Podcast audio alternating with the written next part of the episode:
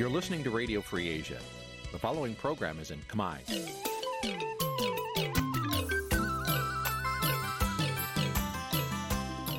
នេះជាកម្មវិធីផ្សាយ Vuthu Azizi Serai នេះជាកម្មវិធីផ្សាយរបស់ Vuthu Azizi Serai ជាភាសាខ្មែរ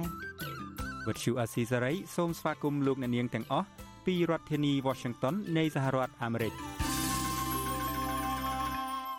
ពីរដ្ឋធានី Washington ខ្ញុំបាទមួងណារ៉េតសូមជម្រាបសួរលោកអ្នកនាងកញ្ញាអ្នកស្ដាប់ Vuthu Azizi Serai ទាំងអស់ជាទីមេត្រីយើងខ្ញុំសូមជូនកម្មវិធីផ្សាយសម្រាប់ព្រឹកថ្ងៃអង្គារ8កើតខែផុតត្របុត្រឆ្នាំឆ្លូវត្រីស័កពុទ្ធសករាជ2565ដែលត្រូវនឹងថ្ងៃទី14ខែកញ្ញាគ្រិស្តសករាជ2021បាទជាដំបូងនេះសូមអញ្ជើញលោកអ្នកនាងកញ្ញាស្ដាប់ព័ត៌មានប្រចាំថ្ងៃដែលមានមេត្តាដូចតទៅ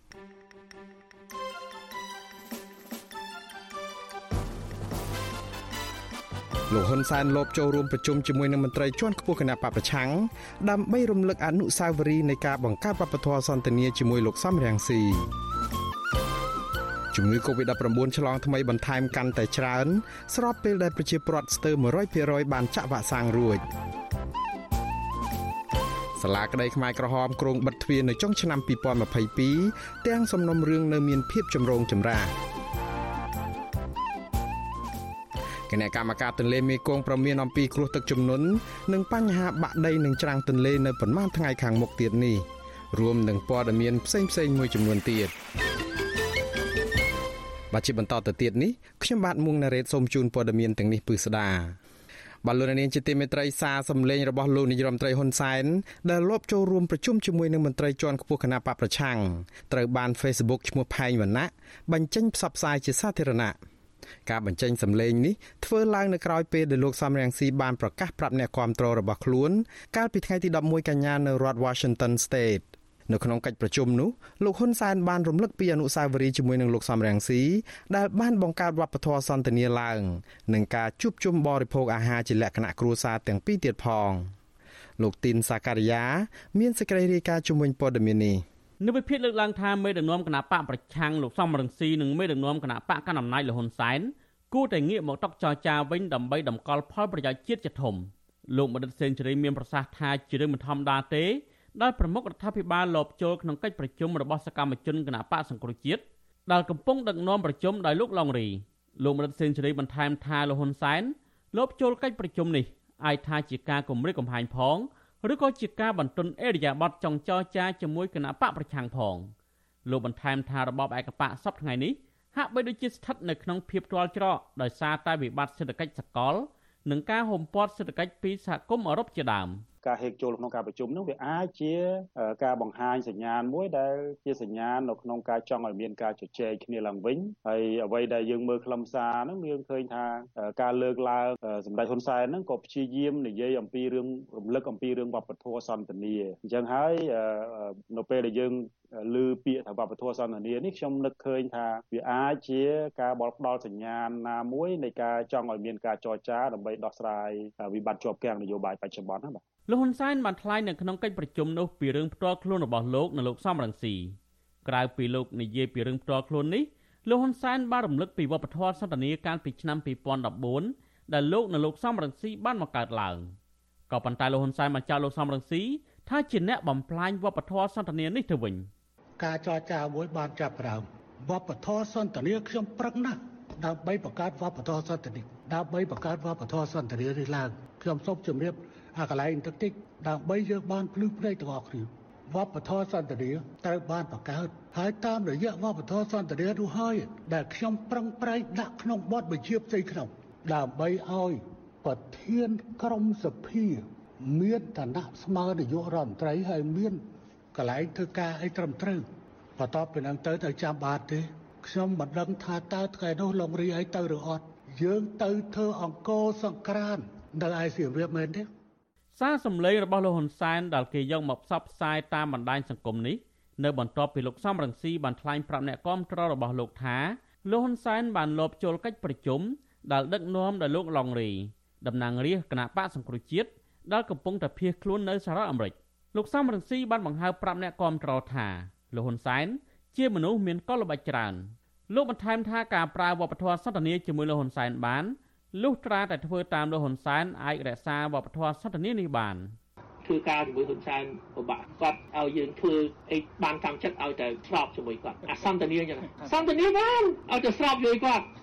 បើមិនស្របជាមួយគាត់ឈប់សន្តានាចេះប៉ុន្តែនិយាយរឿងហ្នឹងគាត់ចង់ ប្រាប់ថាគាត់បានសម្រួលជាមួយយើងច្រើនអញ្ចឹងយើងមិនត្រូវវាយប្រហារគាត់ដូចសប្តាហ៍ទៀតទេប៉ុន្តែខ្ញុំចង់ប្រាប់ទៅគាត់នេះយើងមិនដែលវាយប្រហាររឿងបុគ្គលទេយើងឆ្លៃឆ្លងនេះរឿងបញ្ហាជាតិយើងតិទៀនគ្នាឆ្លោះប្រកែកគ្នារឿងបញ្ហាជាតិពីព្រោះយើងការពារប្រជារាស្ត្របើគេធ្វើបាបប្រជារាស្ត្រក្រៅពីគណៈបកជាប់ឆ្នោតទាំងពីរគឺគណៈបកសង្គ្រោះជាតិនិងគណៈបកប្រជាជនកម្ពុជាបានដោះស្រាយវិបត្តិនយោបាយកាលពីឆ្នាំ2014នោះ គឺមេដឹកនាំគណៈបកទាំងពីរបានស្រុះស្រួលគ្នាបង្កើតបបធរសន្តិនិឡើងដើម្បីដោះស្រាយបញ្ហាប្រទេសជាតិតាមរយៈបបធរសន្តិនិនេះលោកសំរងស៊ីត្រូវបានតែងតាំងជាប្រធានក្រុមភាគតិចនៅក្នុងរដ្ឋសភា មានឋានៈស្មើនាយករដ្ឋមន្ត្រីនៅក្នុងកិច្ចប្រជុំសភាជាលើកដំបូងក្នុងឆ្នាំ2014ទាំងលោកហ៊ុនសែនទាំងលោកសំរងស៊ីបានប្រកាសនៅក្នុងសភា ទាំងដោយមានមោទនភាពថា ពួកលោកទាំងពីរបានបង្កើតបបធរសន្តិនិកនេះបានជាប្រវត្តិសាស្ត្រសម្រាប់កម្ពុជាភាពលោកល្អើរវាងលោកហ៊ុនសែននិងលោកសំរងស៊ីមិនបានយូរអង្វែងឡើយមន្ត្រីនិងតំណាងរាស្ត្រគណៈបកសង្គ្រោះជាតិត្រូវបានលោកហ៊ុនសែនបញ្ជាឲ្យចាប់ដាក់ពន្ធនាគារជាបន្តបន្ទាប់រហូតដល់រំលាយគណៈបកសង្គ្រោះជាតិនៅឆ្នាំ2017និងចាប់ប្រធានគណៈបកនេះគឺលោកកម្មសខាដាក់ពន្ធនាគារថែមទៀតទោះបីជាយ៉ាងណាក្តីនៅវិភាគអះអាងថាឥឡូវនេះលោកហ៊ុនសែននិងលោកសំរងស៊ីមិនទាន់ហួសពេលនោះទេ ក្នុងការងាកមកប្រើយន្តការសន្តិនិកដើម្បីបញ្ចប់វិបត្តិនយោបាយនាពេលបច្ចុប្បន្ននិងដំកល់ផលប្រយោជន៍ជាតិជាធំហើយមេដឹកនាំទាំងពីរគួរតែបញ្ចប់រឿងគំនុំបកគលនៅក្នុងពេលប្រជាពលរដ្ឋកំពុងតែជួបប្រទះស្ថានភាពដ៏លំបាកដោយសារតែជំងឺ Covid-19 ផងនោះដោយត្រូវងាកមកផ្សះផ្សាព្រោះមេដឹកនាំគណៈបកទាំងពីរសុទ្ធតែមានឈាមជ័រជាខ្មែរដូចគ្នាខ្ញុំទីនសាការីយ៉ាអសិលសេរីប្រធានីវ៉ាស៊ីនតោន បាទលោកនាងជាទីមេត្រីព័ត៌មានអំពីស្ថានភាពរីករាលដាលនៃជំងឺ Covid-19 នៅកម្ពុជាឯណោះវិញអ្នកឆ្លងជំងឺនេះកើនឡើងដល់ជាង1សែនអ្នកទៅហើយគិតត្រឹមថ្ងៃទី13ខែកញ្ញាម្សិលមិញនេះជំងឺ Covid-19 ឆ្លងថ្មីបន្ថែមកាន់តែកើនឡើងច្រើន ស្របពេលដែលប្រជាពលរដ្ឋស្ទើរតែ100%បានចាក់វ៉ាក់សាំងរួចនៅក្នុងរយៈពេល4ថ្ងៃចាប់ពីថ្ងៃទី10ដល់ថ្ងៃទី13ខែកញ្ញាជាមធ្យមមានអ្នកឆ្លងថ្មីចំនួន650នាក់នៅក្នុងមួយថ្ងៃ អ្នកជំងឺ Covid-19 ចំនួន9អ្នកបន្ថែមទៀតបានស្លាប់ដែលធ្វើឲ្យករណីស្លាប់ដោយសារតែជំងឺនេះកើនឡើងដល់ទៅ2049អ្នកគិតមកត្រឹមថ្ងៃទី13ខែកញ្ញាម្សិលមិញឆ្លៀតឱកាសនេះក្រសួងសុខាភិបាលបានចេញសេចក្តីណែនាំឲ្យប្រជាពលរដ្ឋបង្កើនការប្រុងប្រយ័ត្នបន្ថែមដើម្បីការពារការចម្លងជំងឺនេះជាពិសេសមេរោគបំផ្លែងថ្មីក្រសួងសុខាភិបាលលើកឡើងថាប្រមាណថ្ងៃចុងក្រោយនេះ ករណីឆ្លងជំងឺ Covid-19 ចាប់ផ្ដើមហក់ឡើងវិញនៅតាមបណ្ដាខេត្តមួយចំនួនដែលភាគច្រើនផ្ទុះនៅតាមផ្សារលក់ដូរម្ហូបអាហារនិងគ្រឿងឧបភោគបរិភោគកន្លងមកមានការរិះគន់អំពីប្រសិទ្ធភាពនៃវ៉ាក់សាំងចិន ដែលកម្ពុជាចាក់ឲ្យប្រជាពលរដ្ឋខ្មែរនៅទូទាំងប្រទេសលើកនេះក្រសួងសុខាភិបាលអំពាវនាវឲ្យប្រជាពលរដ្ឋកុំពឹងផ្អែកទាំងស្រុងទៅលើវ៉ាក់សាំងទាំងនោះ ព្រោះលទ្ធភាពនៃការចម្លងជំងឺនេះចំពោះបុគ្គលដែលចាក់វ៉ាក់សាំងរួចក៏នៅតែអាចឆ្លងបានប្រសិនបើបុគ្គលនោះមិនអនុវត្តវិធានការបង្ការឲ្យបានខ្ជាប់ខ្ជួននោះទេក្រសួងសុខាភិបាលប្រកាសថាគិតមកត្រឹមថ្ងៃទី12ខែកញ្ញារដ្ឋាភិបាលបានចាក់វ៉ាក់សាំងជូនប្រជាពលរដ្ឋបានជាង9លាន7សែននាក់នៅក្នុងចំណោមអ្នកដែលត្រូវចាក់វ៉ាក់សាំងសរុប10លាននាក់ចំណែកឯកុមារនិងយុវជនដែលមានអាយុពី12ឆ្នាំដល់17ឆ្នាំវិញក្រសួងប្រកាសថាចាក់វ៉ាក់សាំងបានជាង1លាន7សែននាក់ នៅក្នុងចំណោមអ្នកដែលត្រូវចាក់សរុបជិត2លាននាក់បលូននាងជាទីមេត្រីព័ត៌មានពីសាលាក្តីខ្មែរក្រហមឯនោះវិញសាលាក្តីនេះដែលបើកដំណើរការជាង15ឆ្នាំមកហើយនោះគ្រងនឹងបិទបញ្ចប់ជាស្ថាពរនៅចុងឆ្នាំ2022ទាំងសំណុំរឿងនៅមានភាពចម្រូងចម្រាសការបិទបេសកកម្មសាលាក្តីនេះគឺបានភ្លើងខៀវពីអង្គការសហប្រជាជាតិដែលចេញសេចក្តីសម្រេចមួយនៅក្នុងមហាសន្និបាតរបស់ខ្លួនកាលពីដើមខែកក្កដា នៅក្នុងពេលជាមួយគ្នានេះសំណុំរឿងដ៏ចម្រូងចម្រាសចំនួន2គឺសំណុំរឿង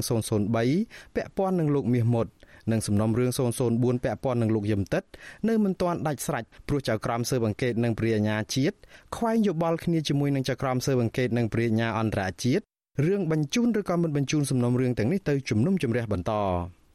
ដោយសារភាពមិនចុះសម្រុងគ្នានេះអង្គភាពស៊ើបអង្កេតតែមួយចេញដោយការដំណោះស្រាយពីរផ្សេងគ្នា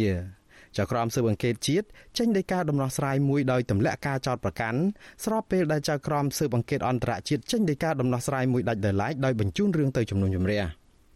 អង្គបរិយជំនុំជម្រះរកឃើញថាបញ្ហានេះកើតឡើងដោយសារតែកំហុសធ្ងន់ធ្ងររបស់ចៅក្រមស៊ើបអង្កេតដែលធ្វើឲ្យប៉ះពាល់ដល់គ្រឹះនៃប្រព័ន្ធតុលាការកូនកាត់នេះនិងធ្វើឲ្យភាគីទាំងអស់ធ្លាក់ចូលនៅក្នុងភាពមិនច្បាស់លាស់ផ្នែកគតិយុត្តប៉ះពាល់ដល់អ្នកដាក់ពាក្យសុំតាំងខ្លួនជាដើមបណ្ដឹងរដ្ឋប្រវេណីនិងជនរងគ្រោះរាប់ម៉ឺនអ្នកនៅក្នុងសំណុំរឿងទាំងនោះអង្គបូរ៉េសម្រេចឲ្យបិទបញ្ចប់រឿងក្តីនេះត្រឹមនេះនិងបិទផ្លូវតវ៉ា បើទោះបីជាយ៉ាងនេះក្តីអង្គបូរ៉េជំនុំជម្រះមិនបានកំណត់ទោសទណ្ឌយ៉ាងណាចំពោះចៅក្រមស៊ើបអង្កេតដែលប្រព្រឹត្តកំហុសធ្ងន់ទាំងនេះនោះទេដំណឹងនៃការគ្រោងបិទបេសកកម្មសាលាក្តីខ្មែរក្រហមនេះធ្វើឡើងនៅក្នុងពេលដែលរឿងរ៉ាវជាច្រើននៅមិនទាន់ដាច់ស្រេចនៅមានសំណុំរឿងដែលនៅសេសសល់នៅចំពោះមុខដែលត្រូវដោះស្រាយតាមនីតិវិធីច្បាប់ អ្នកនាំពាក្យសាលាក្តីខ្មែរក្រហមលោកណេតភក្ត្រាថាសាលាក្តីនេះត្រូវបំពេញឲ្យចប់សពគ្រប់រាល់សំណុំរឿងទាំងអស់នោះជាមុនសិនមុននឹងអាចបិទទ្វារបានលោកថាពេលវេលានៃការបិទបញ្ចប់បេសកកម្មរបស់តុលាការលោកមិនអាចបញ្ជាក់បានថានៅពេលណានៅឡើយនោះទេសាលាក្តីខ្មែរក្រហម បានចំណាយប្រាក់ជាង600លានដុល្លារសម្រាប់ដំណើរការក្តីតាំងពីឆ្នាំ2006អតីតកម្មាភិបាលខ្មែរក្រហម3រូប តឡាការកូនកាត់នេះបានកាត់ទោសឲ្យជាប់ពន្ធនាគារអស់មួយជីវិតអ្នកទាំង3នោះរួមមានអតីតមេគុកទួលស្លែងលោកកាំងកាច់អៀវហៅដុចបងធំទី2នៃរបបខ្មែរក្រហមលោកនួនជា និងអតីតគណៈប្រធានរដ្ឋលោកខៀវសំផនក្នុងចំណោមអ្នកទាំងនេះមាន3អ្នកស្លាប់នៅក្នុងពេលកំពុងជាប់ឃុំលោកកាំងកិច្ចអៀវហៅដុចស្លាប់ដោយជរាពៀតនៅក្នុងពន្ធនាគារខេត្តកណ្ដាលលោកនួនជាស្លាប់ពេលកំពុងជាប់ឃុំនៅមន្ទីរឃុំឃាំងរបស់សាលាក្តីខ្មែរក្រហម ដោយឡែកអតីតកម្មាភិបាលខ្មែរក្រហមពីររូបទៀតគឺអតីតរដ្ឋមន្ត្រីការបរទេសរបស់ខ្មែរក្រហមលោកអៀងសេរីស្លាប់ពេលកំពុងដំណើរការក្តីភរិយារបស់លោកនិងជាអតីតរដ្ឋមន្ត្រីក្រសួងសង្គមគិច្ចអ្នកស្រីអៀងធីរិតបានស្លាប់ក្រោយតឡាការដោះលែងវិញដោយសារតែមានកាយសម្បទាផ្លូវចិត្តមិនគ្រប់គ្រាន់ដើម្បីបន្តដំណើរការក្តី អតីតកម្មាភិបាលខ្មែរក្រហមតែម្នាក់គត់ដែលនៅរស់នឹងកំពុងតែតតាំងក្តីនៅតុលាការគឺលោកខៀវសំផនដែលឆ្នាំនេះមានវ័យ90ឆ្នាំដែលត្រូវតុលាការកាត់ទោសឲ្យជាប់ពន្ធនាគារអស់មួយជីវិតពីរដងរួចទៅហើយនៅក្នុងបទល្មើសផ្សេងគ្នា។ បើទោះបីជាសាលាក្តីខ្មែរក្រហមនឹងបិទបញ្ចប់នៅចុងឆ្នាំ2022ក្តីក៏នៅមានរឿងសេសសល់ជាច្រើន ដែលនៅមិនទាន់ដោះស្រាយបញ្ចប់ឆាប់ៗនៅឡើយនោះដែរជាពិសេសរឿងសំណងរដ្ឋប្រវេណីសម្រាប់ជនរងគ្រោះនៃរបបខ្មែរក្រហមជាលទ្ធផលចក្រមជាតិមួយរូបនិងចក្រមអន្តរជាតិមួយរូបត្រូវការិយាល័យរដ្ឋបាលតុលាការចាត់តាំងកាលពីដើមខែកញ្ញាឲ្យធ្វើជាចៅក្រមរបាយការណ៍សម្រាប់មុខងារដែលនៅសេសសល់ពាក់ព័ន្ធនឹងជនរងគ្រោះនេះ។ ចក្រមទាំងនេះកំពុងអំពាវនាវសុំការចូលរួមចំណែកជាគំនិត ពីសាធារណជនទូទៅដើម្បីដោះស្រាយបញ្ហាដែលនៅសេសសល់ទាំងនេះ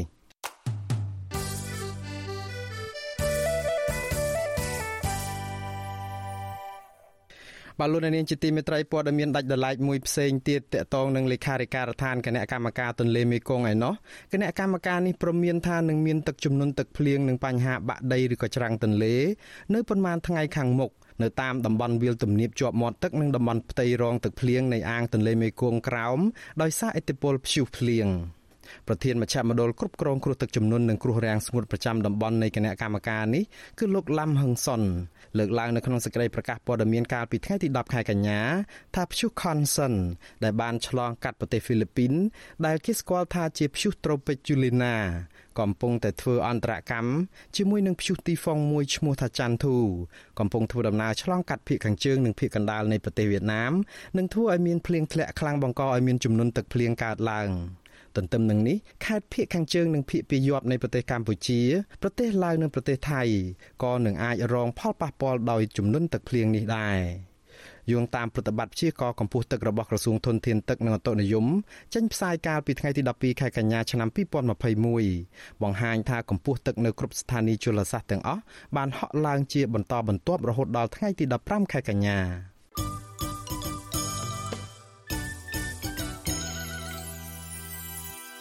បាឡូននាងជាទីមេត្រីនៅឯខេត្តព្រះវិហារឯណោះ ប្រជាពលរដ្ឋជាង300គ្រួសារភៀសច្រើនជាជនជាតិដើមគួយកំពុងតែព្រួយបារម្ភអំពីការគំរាមកំហែងឈូសឆាយដើមឈើធំធំនៅក្នុងសហគមន៍របស់ពួកគាត់ពីសំណាក់ក្រុមហ៊ុនឯកជនតែនៅក្នុងស្ថានភាពបែបនេះពួកគាត់ត្រូវត្រៀមខ្លួនយ៉ាងដូចម្តេចខ្លះដើម្បីការពារព្រៃសហគមន៍ឲ្យនៅគង់វង្សបាទសូមលោកនាងរងចាំស្ដាប់សេចក្តីរាយការណ៍ពិស្ដារជំរឿងនេះនៅក្នុងការផ្សាយរបស់យើងនាពេលបន្តិចទៀតនេះបាទសូមអរគុណ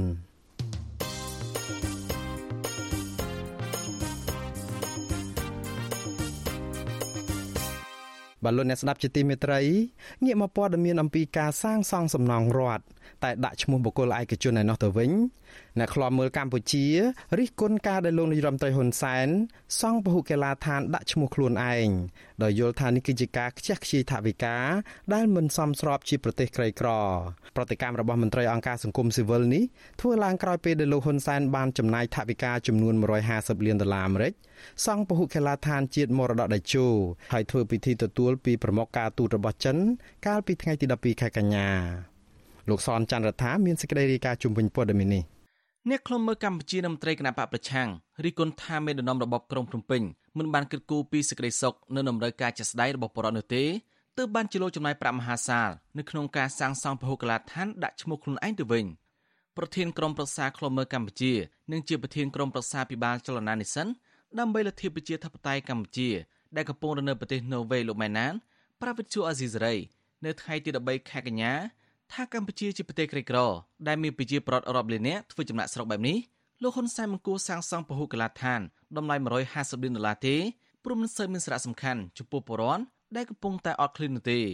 លោកបញ្ជាក់ទៀតថាក្នុងស្ថានភាពបែបនេះលោកហ៊ុនសែនគួរទៅយកប្រាក់ទៅនេះទៅអភិវឌ្ឍផ្លូវថ្នល់មន្ទីរពេទ្យប្រព័ន្ធធារាសាស្ត្រនៅរកទីផ្សារលក់ដូរកសិផលរបស់កសិករប្រសើរជាងមោទនភាពខ្លួនគាត់វាមួយទៅហើយមោទនភាពគ្រួសារគាត់ព្រោះគ្រួសារគាត់អារឿង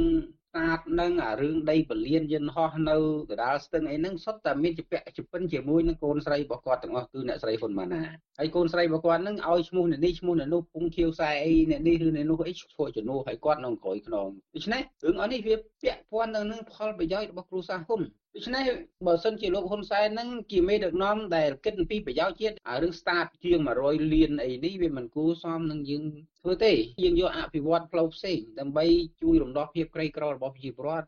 ប្រតិកម្មរបស់មន្ត្រីសង្គមស៊ីវិលនេះធ្វើឡើងក្រោយពេលលហ៊ុនសែនធ្វើពិធីទទួលពហុកីឡដ្ឋានជាតិមរតកតេជោពីរដ្ឋមន្ត្រីការបរទេសចិនលោកវ៉ាងយីនៅថ្ងៃទី12ខែកញ្ញាលោកហ៊ុនសែនថាលោកគ្មានកំហុសអ្វីទេនៅក្នុងការដែលទំនាក់ទំនងជាមួយចិន ដោយទទួលបានសំណងដ៏ធំនេះមេដឹកនាំរបបឯកបៈថាពហុកីឡដ្ឋាននេះគឺជាមោទនភាពជាតិមហាសាលក្រោមការដឹកនាំរបស់លោកនេះក្រន់តែជាការទទួលផលដើមរដូវនៃចំណងមិត្តភាពដៃថែបដែលប្រធាននាយកបតីស៊ីជីនភីងបានប្រសិទ្ធភាពឡើងហេតុអ្វីបានជាខ្ញុំត្រូវនិយាយថាវាជាការទទួលផលដើមរដូវយើងមិនមែនតាក់ទងជាមួយចិនត្រឹមតែថ្ងៃនេះឬថ្ងៃស្អែក បន្ទាប់ពីកទួលស្តាតនេះរួចហើយនោះទេយើងត្រូវធ្វើជាមួយមិត្តចិនច្រើនឆ្នាំតទៅទៀតលោកហ៊ុនសែនអះអាងថាពហុកីឡដ្ឋាននេះចំណាយថវិកាសាងសង់សរុប150លានដុល្លារអាមេរិកដែលជាចំនួនរបស់ចិនក៏ប៉ុន្តែសាធារណមតិមួយចំនួននៅតែមានមន្ទិលសង្ស័យជុំវិញដំណាភាពនៃចំនួននេះសំណងមួយនេះសាងសង់រយៈពេលជាង7ឆ្នាំដោយមានអ្នកជំនាញការរបស់ចិន200នាក់និងកម្មករខ្មែរចំនួន500នាក់ បានបិទបញ្ចប់ការសាងសង់កាលពីថ្ងៃទី31ខែសីហាបើទោះបីជាណាអតីតតំណាងរាជគណៈបកសង្គ្រោះជាតិលោកអ៊ុំសំអានមើលឃើញថាការដែលលោកហ៊ុនសែនសាងសង់ភូកីឡាដ្ឋានជាតិដាក់ឈ្មោះខ្លួនឯងបែបនេះគឺជាការខ្ជះខ្ជាយថវិកាដើម្បីបម្រើផលប្រយោជន៍របស់លោកហ៊ុនសែននិងចិនលោកបន្តថាទាំងប្រាក់ជំនួយនិងប្រាក់កម្ចីរបស់ចិនគឺជាអន្ទាក់ដើម្បីបម្រើនយោបាយរបស់ចិន។ យល់ថាការសាងសង់អត់មានដំណាភាពវាអាចមានអំពើពុករលួយដែលយើងខ្ចីលុយពីគេហើយត្រូវមន្ត្រីរបស់គាត់ហ្នឹងលោកហ៊ុនសែនហ្នឹងស៊ីទៅលើកម្ចីហ្នឹងទៀតហ្នឹងវាធ្វើឲ្យប្រជាពលរដ្ឋហ្នឹងកាន់តែក្រទៅក្រទៅព្រោះយើងជាពាក់លុយគេកាន់តែច្រើនហើយយើងប្រទេសក្រៃក្រយ៉ាងផងហើយយើងចំណាយខ្ជះខ្ជាយអត់ចំអ្វីដែលជាគោលដៅដែលត្រូវអភិវឌ្ឍផងហ្នឹងវាធ្វើឲ្យប្រទេសយើងប្រជាពលរដ្ឋកាន់តែក្រទៅបំណុលកាន់តែច្រើនហើយប្រជាពលរដ្ឋត្រូវសងបំណុលហ្នឹងចំនួនលោកហ៊ុនសែនហ្នឹងកាន់តែច្រើនឡើងច្រើនឡើង សង្គមសវនមន្ត្រីបពប្រឆាំងសង្កេតឃើញថាចិនពង្រីកតំណែងជិតស្និទ្ធជាមួយកម្ពុជាដើម្បីទាញយកផលប្រយោជន៍ពីកម្ពុជាពង្រីកឥទ្ធិពលរបស់ខ្លួននៅកម្ពុជានិងក្នុងតំបន់ពលលោកបារម្ភថាការពឹងផ្អែកលើកម្ចីអនុទានចិននេះកម្ពុជាប្រឈមនឹងហានិភ័យខ្ពស់នៃការចាប់អន្ទាក់បំណុលបន្ថែមពីនេះជំនួយនឹងការវិនិយោគរបស់ចិននៅកម្ពុជាខ្វះដំណាភាពនិងគណនេយ្យភាពដែលជាការរួមចំណែកដល់ការរីករាលដាលនៃអំពើពុករលួយចំណែកការលើកកម្ពស់សិទ្ធិមនុស្សស្ដារប្រជាធិបតេយ្យ និងភាពហិនហោចនៃធនធានធម្មជាតិវិញចិនពុំបានខ្វល់ខ្វាយតទៅសោះរបាយការណ៍ក្រសួងសេដ្ឋកិច្ចនៅរ៉ែវត្ថុជីមផ្សាយកាលពីឆ្នាំ2020បង្ហាញថាកម្ពុជាជំពាក់ចិនដល់ទៅជិត4000លានដុល្លារអាមេរិកឬស្មើនឹង47%នៃទំហំបំណុលសរុបដែលកម្ពុជាជំពាក់បរទេសលុយដែលខ្ចីពីចិនភាគច្រើនផ្ដោតទៅលើការអភិវឌ្ឍប្រព័ន្ធធារាសាស្ត្រហេដ្ឋារចនាសម្ព័ន្ធនិងស្ពានជាដើមខ្ញុំសនចាររថាវិទ្យុអេស៊ីសេរី រាយការណ៍ពីរដ្ឋធានីវ៉ាស៊ីនតោន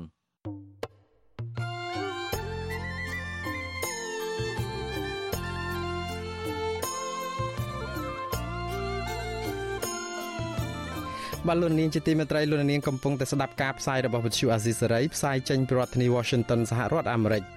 នៅក្នុងឱកាសនេះដែរខ្ញុំបាទសូមថ្លែងអំណរគុណដល់លោកនាងកញ្ញាទាំងអស់ ដែលតែងតែមានភក្ដីភាពចំពោះការផ្សាយរបស់យើងហើយចាត់ទុកការស្ដាប់អាស៊ីសេរីជាផ្នែកមួយនៃសកម្មភាពប្រចាំថ្ងៃរបស់លោកនាងការគ្រប់គ្រងរបស់លោកនាងនេះហើយដែលធ្វើឲ្យយើងខ្ញុំមានទឹកចិត្តកាន់តែខ្លាំងក្លាថែមទៀតនៅក្នុងការស្វែងរកនិងផ្តល់ព័ត៌មានជូនលោកនាងមានអ្នកស្ដាប់និងអ្នកទស្សនាកាន់តែច្រើនកាន់តែធ្វើឲ្យយើងខ្ញុំមានភាពស្វាហាប់មោះមុតជាបន្តទៅទៀត យើងខ្ញុំសូមអរគុណទុកជាមុនហើយសូមអញ្ជើញលោកនាងកញ្ញាចូលរួមជំរុញសកម្មភាពផ្តល់ព័ត៌មានរបស់យើងនេះឲ្យកាន់តែជោគជ័យបន្ថែមទៀតលោកនាងអាចជួយយើងខ្ញុំបានដោយគ្រាន់តែចុចចែករំលែកឬក៏ Share ការផ្សាយរបស់យើងនៅលើបណ្ដាញសង្គម Facebook និង YouTube ទៅកាន់មិត្តភ័ក្តិដើម្បីការផ្សាយរបស់យើងបានទៅដល់មនុស្សកាន់តែច្រើនសូមអរគុណ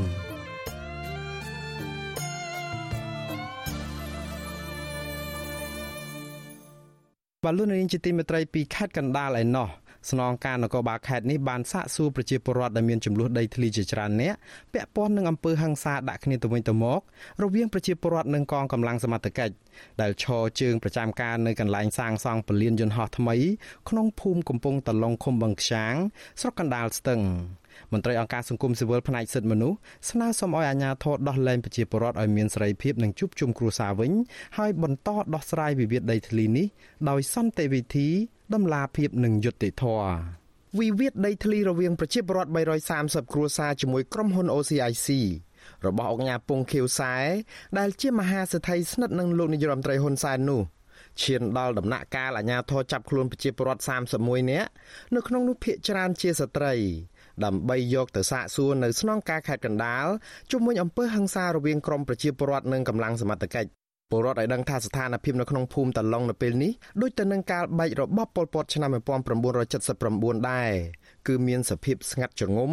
ដោយប្រជាពលរដ្ឋរត់ភៀសខ្លួនចេញពីផ្ទះអស់ប្តីព្រាត់ប្រពន្ធឪពុកព្រាត់កូន បន្សល់ទុកម្ដាយឪពុកចាស់ជរានៅចាំផ្ទះពលរដ្ឋម្នាក់ដែលតាមដានរឿងនេះនៅស្នងការនគរបាលខេត្តកណ្ដាលលោកណៃផុនឲ្យដឹងថាសមត្ថកិច្ចកំពុងតែសាកសួរសមាជិកគ្រួសារលោក3នាក់ ក្នុងនោះមានប្រពន្ធលោកគឺលោកស្រីខឹមចត្រា បងស្រីម្នាក់ឈ្មោះណៃភា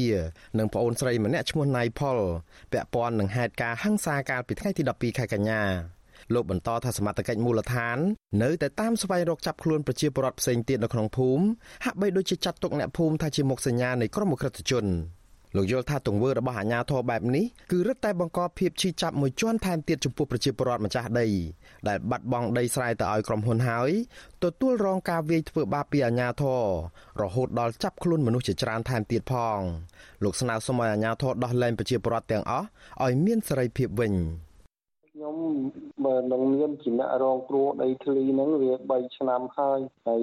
ខ្ញុំអង្វរដល់ប្រមុខរាជរដ្ឋាភិបាលហ្នឹងជួយដោះស្រាយជា ផលសំណងឲ្យវាបានសមរម្យដែលពួកខ្ញុំទទួលយកបានមកហើយពួកខ្ញុំមិនហ៊ានទៀមទាថាតម្លៃទីផ្សារទេហើយតម្លៃណាមួយដែលខ្ញុំទទួលយកបានពួកខ្ញុំយកហើយហើយបញ្ចប់រឿងរ៉ាវដោះលែងពួកគាត់មកគុំឃុំគុំខាំងគាត់អញ្ចឹងពួកគាត់អស់ជំរឿហើយបើគាត់តវ៉ាហ្នឹងបើគាត់មានជំរឿគាត់មិនទៅតវ៉ាអីយ៉ាងទេព្រោះជាពលរដ្ឋខ្លាចណាស់ពីកងកម្លាំងរាប់រយនាក់អញ្ចឹង វិទ្យុអាស៊ីសេរីមិនអាចសុំការឆ្លើយតបរឿងនេះពីស្នងការនគរបាលខេត្តកណ្ដាលលោកឈឿនសុចិត្តនៅថ្ងៃទី13ខែកញ្ញាបានទេដោយហៅទូរស័ព្ទចូលតែពុំមានអ្នកទទួលតកតងនឹងរឿងនេះនាយករងទទួលបន្ទុកផ្នែកខ្លំមើលសិទ្ធិមនុស្សនៃអង្គការលីកាដូលោកអំសំអាតមានប្រសាសន៍ថានេះគឺជាលើកទី1ហើយនៅក្នុងវិវាទដីធ្លីនៅប្រទេសកម្ពុជាដែលសមត្ថកិច្ចចាប់ខ្លួនប្រជាពលរដ្ឋមានចំនួនច្រើនបែបនេះ លោកបន្តថាការប្រើហិង្សានិងចាប់ខ្លួននេះគឺធ្វើឲ្យប៉ះពាល់ដល់ជីវភាពរស់នៅរបស់ប្រជាពលរដ្ឋកាន់តែខ្លាំងមួយជាន់ទៀតនៅក្នុងអំឡុងពេលដែលមានវិបត្តិនៃជំងឺ Covid-19 និងមិនមែនជាដំណោះស្រាយអាចបញ្ចប់បញ្ហាដីធ្លីនោះបានទេលោកយល់ថាការដោះស្រាយដោយសន្តិវិធីដំឡាភាពនិងយុត្តិធម៌ទៅវិញទេទើបជាដំណោះស្រាយល្អអាចបញ្ចប់វិវាទបាន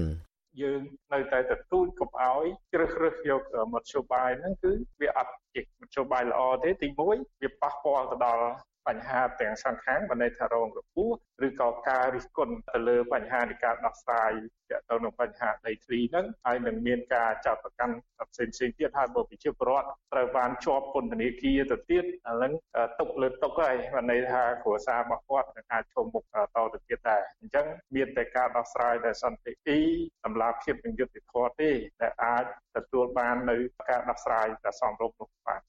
កាលពីថ្ងៃទី12ខែកញ្ញាកម្លាំងនគរបាលនិងកងរាជអាវុធហត្ថខេត្តកណ្ដាលប្រមាណ300នាក់ប្រដាប់ដោយខែលនិងដំបងផងប្រើហិង្សាទៅលើប្រជាពលរដ្ឋដែលមានចំនួនដីធ្លីប្រមាណ100នាក់នៅក្នុងភូមិកំពង់តឡុងឲ្យរងរបួសជាច្រើនអ្នកនិងចាប់ខ្លួនប្រជាពលរដ្ឋជាច្រើនអ្នកហេតុការណ៍នេះកើតឡើងក្រោយពេលដែលប្រជាពលរដ្ឋនាំគ្នាដុតសម្រាមនៅខាងមុខរនាំងដែកបិទផ្លូវរបស់កម្លាំងសមត្ថកិច្ចដើម្បីទាមទារឲ្យអាជ្ញាធរបើកផ្លូវឲ្យពួកគាត់ អាចចូលទៅមើលដីស្រែរបស់ពួកគាត់ដែលត្រូវក្រុមហ៊ុន OCIC របស់អង្គការពងខៀវសែឈូសលុបបំផ្លាញចោលដើម្បីយកដីសាងសង់ពលានយន្តហោះថ្មីខ្នាតអន្តរជាតិក៏ប៉ុន្តែត្រូវបានសមត្ថកិច្ចហាមឃាត់មិនឲ្យពួកគាត់ចូលទៅឆ្លើយតបទៅនឹងរឿងនេះសាលាខេត្តកណ្ដាលចេញសេចក្តីប្រកាសព័ត៌មានមួយដោយចោទប្រកាន់ប្រជាពលរដ្ឋថាជាអ្នកបង្កឲ្យមានអំពើហិង្សានេះ មានប្រើដំបងគប់ដុំថ្ម បាញ់ចំពីមកស៊ូនិងគប់ដបសាំងដាក់សមត្ថកិច្ចរងរបួស13នាក់ទើបនាំឲ្យមានការប្រើកម្លាំងបំបីក្រុមប្រជាពលរដ្ឋនិងចាប់ខ្លួនមនុស្ស31នាក់នេះបើទោះបីជាយ៉ាងនេះក្តីអាជ្ញាធរបានដោះលែងសកម្មជនដីធ្លីម្នាក់មកវិញ នៅរសៀលថ្ងៃទី13ខែកញ្ញាអាជ្ញាធរអំពាវនាវឲ្យប្រជាពលរដ្ឋបញ្ឈប់សកម្មភាពទាំងនេះដែលអាជ្ញាធរចាត់ទុកថាខុសច្បាប់ហើយងាកមកចូលរួមដោះស្រាយបញ្ហាដោយសន្តិវិធីវិញ បើទោះបីជាមានការអះអាងយ៉ាងនេះក្តីក្រុមអង្គការសង្គមស៊ីវិលផ្នែកសិទ្ធិមនុស្សស្នើដល់អាជ្ញាធរពាក់ព័ន្ធនឹងរដ្ឋាភិបាលដោះស្រាយចំនួនដីធ្លីនេះដោយសន្តិវិធីតម្លាភាពយុត្តិធម៌និងផ្ដល់សំណងសមរម្យជូនប្រជាពលរដ្ឋទើបវិវាទនេះអាចបញ្ចប់ទៅបាន។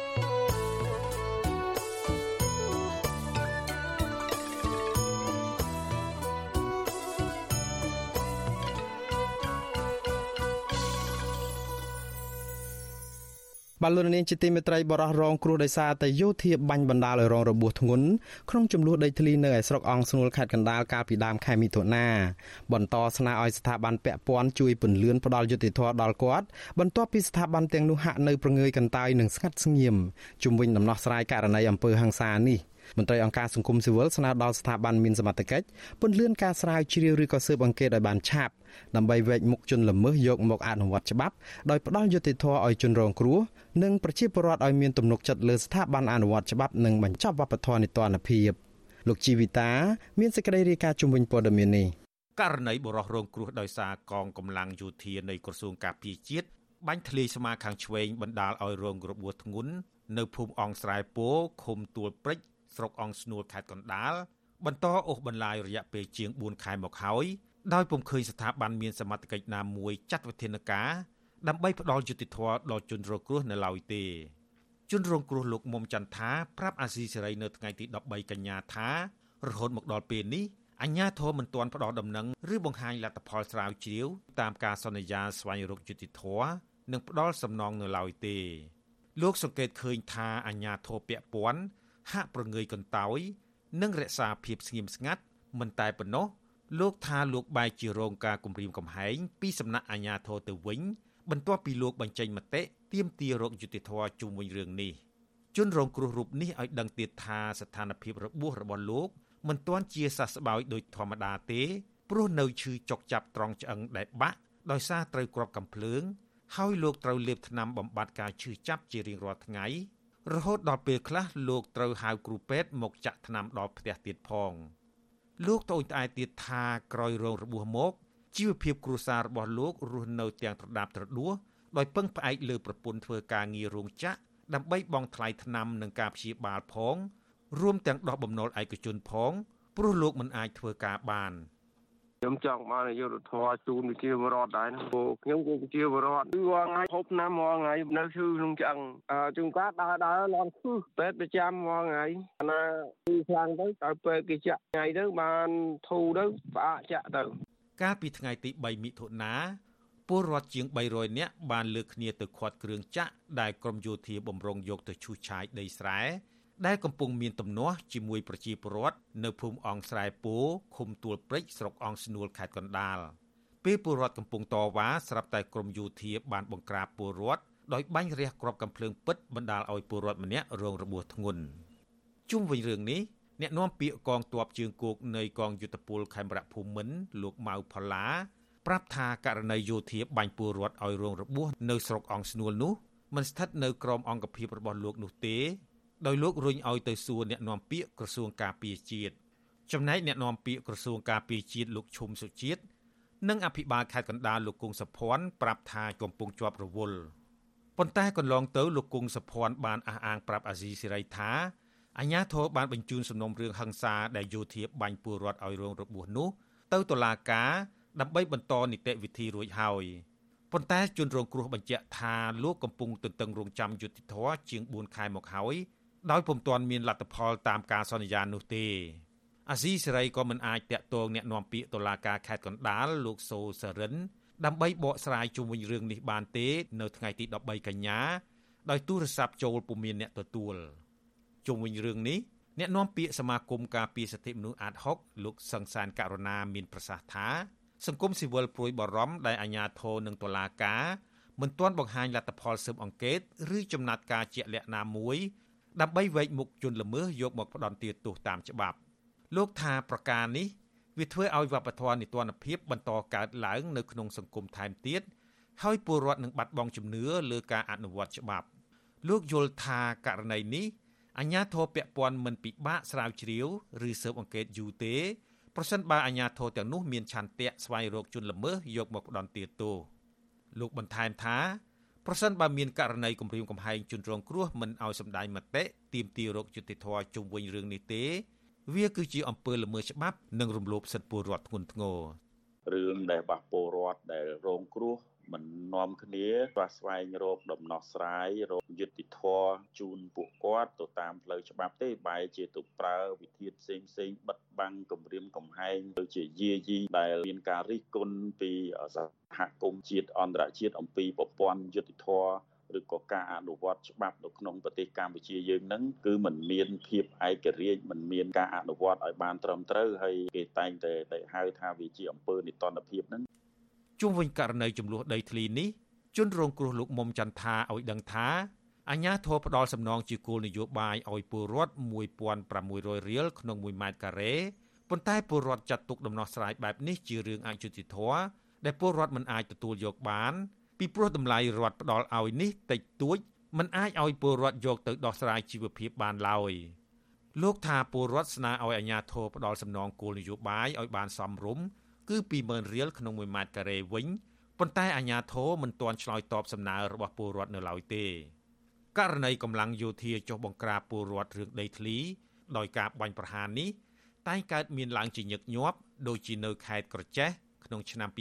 2018និងខេត្តប្រស័យអនុនៅឆ្នាំ2019ក្រមសង្គមស៊ីវិលនិងពលរដ្ឋជាពិសេសជនរងគ្រោះទាមទារឲ្យអាជ្ញាធរស៊ើបអង្កេតករណីបាញ់បោះលើពលរដ្ឋនេះឲ្យបានត្រឹមត្រូវ ដោយចាប់ជនល្មើសយកមកផ្ដន់ទាទោសតាមច្បាប់ដើម្បីលុបបំបាត់អំពើនីតិរដ្ឋភាពពួកគេក៏ស្នើឲ្យអាជ្ញាធរបញ្ឈប់ការប្រើប្រាស់កម្លាំងប្រដាប់អាវុធបង្កហិង្សាលើអ្នកតវ៉ាដីធ្លីខ្ញុំជីវិតាអាស៊ីសេរី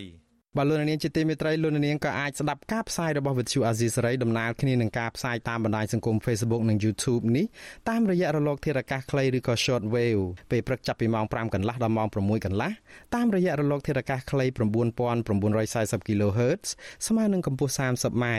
និងពេលយប់ចាប់ពីម៉ោង7កន្លះដល់ម៉ោង8កន្លះតាមរយៈរលកធាតុអាកាសខ្លី9960 kHz ស្មើនឹងកម្ពស់ 30m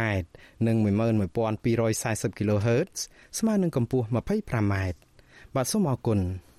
thank you